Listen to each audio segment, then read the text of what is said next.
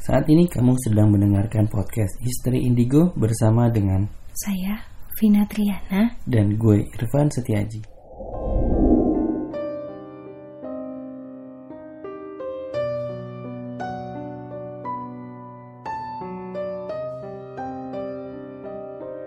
Oke, ketemu lagi dengan kita berdua di podcast Istri Indigo. Gimana kabarnya teman-teman pendengar semua?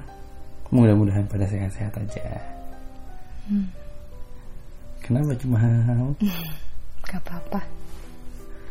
Ya, setelah beberapa waktu kemarin kita eh, ngajak teman-teman pendengar buat berkontribusi, kirim-kirim cerita dan lain sebagainya. Kali ini kita mau agak flashback cerita tentang eh, apa bu? Kejadian yang kita alami di rumah mama dulu. Oh, waktu di Fatmawati di Jakarta Selatan. Gimana ceritanya sih? Itu sekitar tahun 2015 waktu awal-awal biru lahir. Heeh. Em, dua hari, eh tiga hari dua malam di rumah sakit. Di hari ketiga ayah waktu itu pulang dulu kan sebentar. Waktu ini, waktu Oh, masih di rumah sakit. Mbak lagi habis melahirkan biru ya. Habis melahirkan biru. Mhm. Ayah di hari ketiga pulang dulu ke rumah untuk beres-beres kamar. Mhm. ya yang biasanya kamar cuma berdua Mm-mm. terus nambah satu bayi kecil kan Mm-mm. Hmm, waktu itu aku udah kepikiran mudah-mudahan ayah merubah letak perabotan di kamar itu tidak seperti yang pada saat itu Mhm. Waktu itu gimana sih? Bentuknya lemari itu masih ini ya ngadep tembok ya. Eh, meja belajar masih ngadep tembok ya? Iya jadi waktu itu posisinya meja belajar itu enggak meja belajar itu enggak ngadep tembok justru. Meja belajar itu ada di sebelah jendela yang sebelahnya itu sofa bed kita. Heeh. pokoknya nggak ada space tertutup.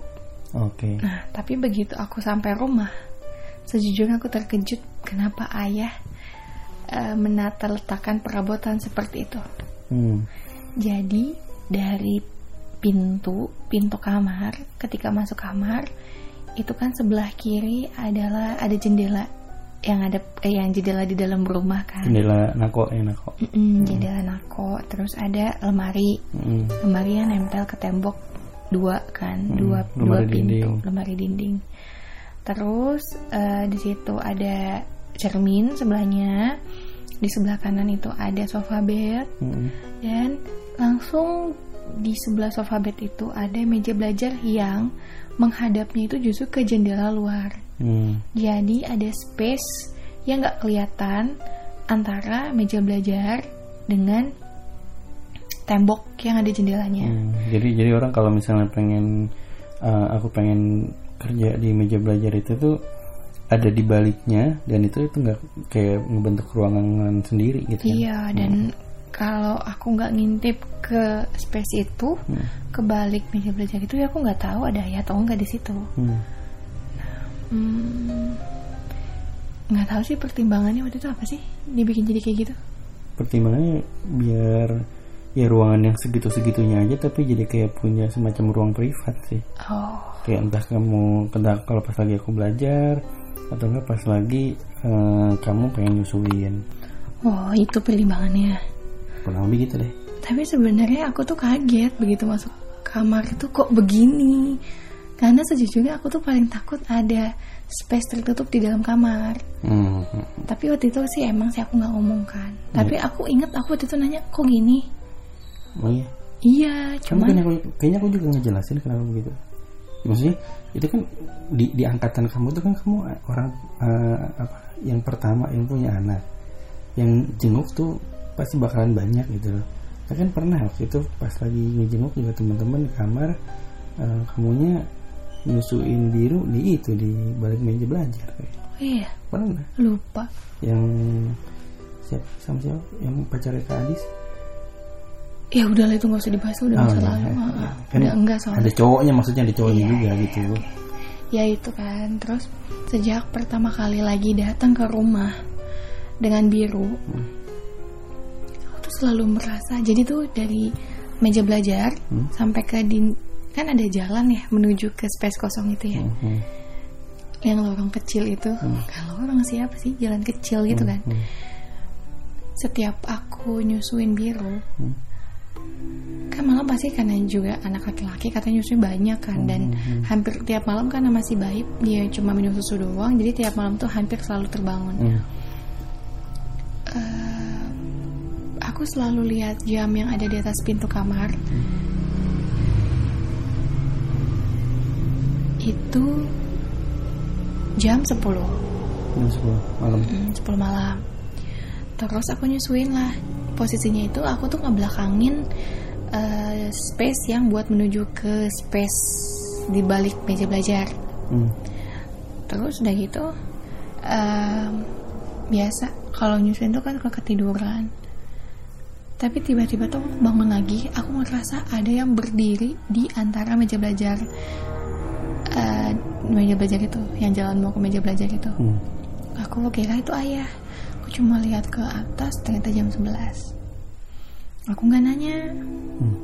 aku pikir itu ayah jangan liatin aku nyusuin kan karena aku kebangun. Besok malamnya terulang kembali kejadian itu. Hmm. aku selalu melihat ke jam dinding yang di atas pintu kamar dan ternyata itu tepat juga jam 11 malam. Besok malamnya lagi hal itu terjadi lagi sampai akhirnya aku penasaran kenapa penasaran karena pas subuhnya aku turun Hmm. ayah tidur di Sofa, di bawah. sofa di bawah depan TV. depan TV. Aku tanya sama ayah, ayah semalam tidur jam berapa? Ingat gak jawaban ayah apa? Enggak. Jam 10. Ayah ketiduran di bawah. Iya. Naik lagi nggak ke atas? Enggak. Ini baru bangun. Hmm. Tapi semalam sebelumnya ada yang itu, ada yang berdiri itu. ya? Ya dan aku pikir itu ayah. Aku cuma bilang, ayah, tolong ya nanti malam. Setelah jam 10 malam, jangan keluar dari kamar. Ingat gak aku pernah bilang gitu? Hmm, persis redaksionalnya kayak gitu sih enggak, tapi ya kayaknya pernah bilang buat jangan tidur di bawah lagi. Hmm.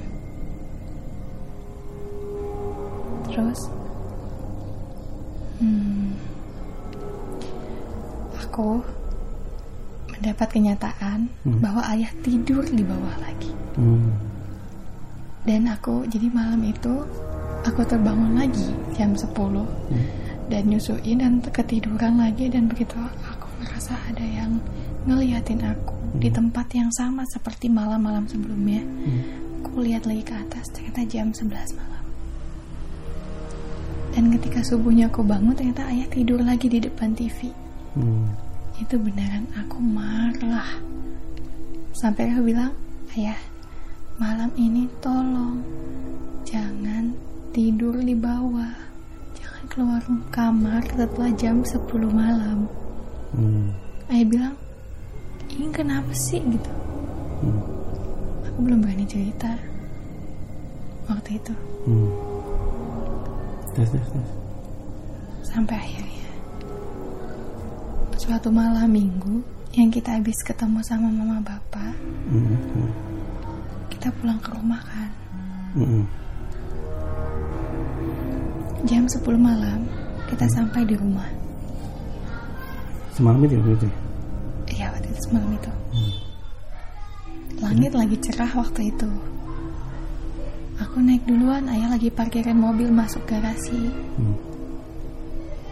Dan masuk duluan karena udah malam jendela kamar belum ditutup aku tutup biru aku simpen dulu di kasur dan aku menuju ke jendela sebelum aku menuju ke jendela aku dengar suara keyboard laptop itu ketik ketik ketik ketik ketik gitu Hmm. Laptopnya ada di balik ini di meja belajar ya. Mm-mm, dan nutup Laptopnya tuh. aku abaikan aku tutup aja tuh pintu eh, apa jendela kita aku tutup tiba-tiba tuh hujan tapi hujannya tuh karena eh, depan jendela itu persis apa sih seng buat garasi Kanopi. kanopi Hmm. jadi tuh begitu hujan tuh hujannya tuh bukan kayak hujan air gitu kayak hujan batu yang tek tek tek tek, tek, wah kenceng banget Hmm. terus aku balik badan aku mau langsung ambil biru karena menurut aku itu bukan hujan yang wajar terus tiba-tiba ada suara yang besar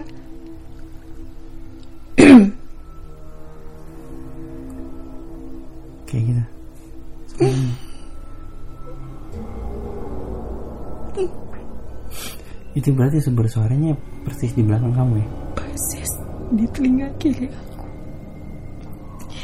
Aku langsung gendong biru bawa keluar kamar dan aku langsung takut.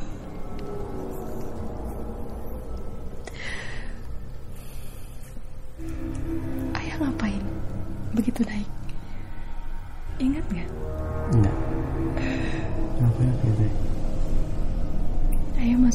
terus ayah langsung baca ayat kursi gitu. Hmm. karena yang ayah lihat itu muka aku tuh udah pucat sepucat pucat ya Hmm. kayaknya sih mama panik. Ada apa ada apa ada apa? Nggak usah ngada ngada nggak usah ngada ngada Terus besok paginya ada nenek nenek Haji itu. Hmm.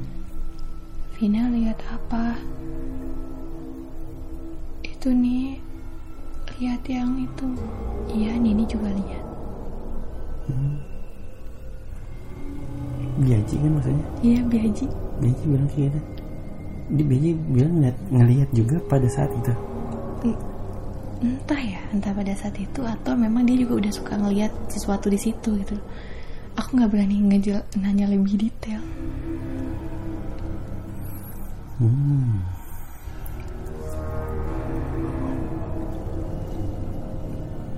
Gue baru tahu kalau misalnya ternyata Biaji juga ini juga bisa ngelihat atau ngelihat juga mengkonfirmasi itu maksudnya gitu. kayaknya kayaknya eh, makhluk ini tuh luar biasa deh mungkin dia bisa ngeliatin ke semua orang karena kayak baru belakangan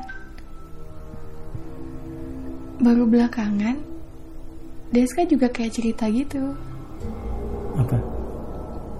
Kalau pas temennya main ke rumah ngelihat ada sekelebat bayangan besar gitu Ent- aku lupa bayangan aja apa bayangan besar gitu Hmm, belum lama ini. Ah itu nggak tahu persis. Eh, udah lama sih cerita ke akunya mah. Dan begitu malam itu kan aku saking ketakutannya, ayah nelpon bapak Hmm. dan bapak bilang itu yang berasal dari kamar kamarnya almarhum ayah di bawah. Yang emang suka keluar masuk terus masuknya ke kamar ayah yang di bawah. Kalau yang aku, saya ingat aku tuh malah ini deh. Yang saya ingat aku tuh bapak justru bilang itu tuh di belakang ada pohon ya. Iya, emang itu dulu bilang aku nggak mau bawa-bawa di belakang, aku takut. aku nggak mau.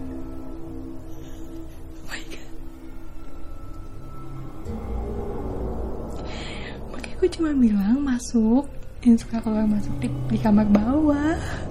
Aku. Lah, aku justru aku justru nggak ingat yang soal di kamar bawahnya. Bapak bilang, Aku justru ingat karena bapak bilang ini di belakang pohon pindahin aja. Pohon nggak ada pohon, ada pot-pot doang gitu. Ya tapi tanamannya eh, gede kan, iya potnya tanamannya lumayan gede, pindahin aja.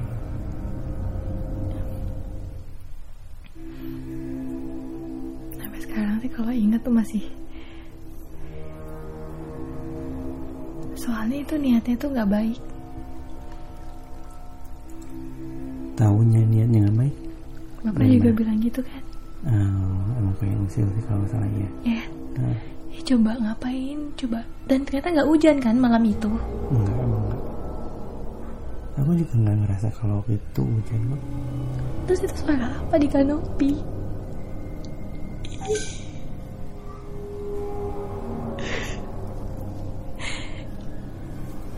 udah cukup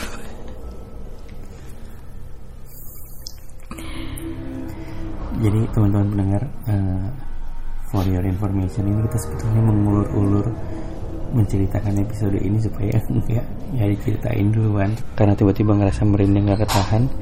Uh, kita udahin dulu episode kali ini kali ya. Sampai ketemu lagi di episode yang akan datang. Jangan dengerin podcast ini sendirian. Kecuali kalau kamu berani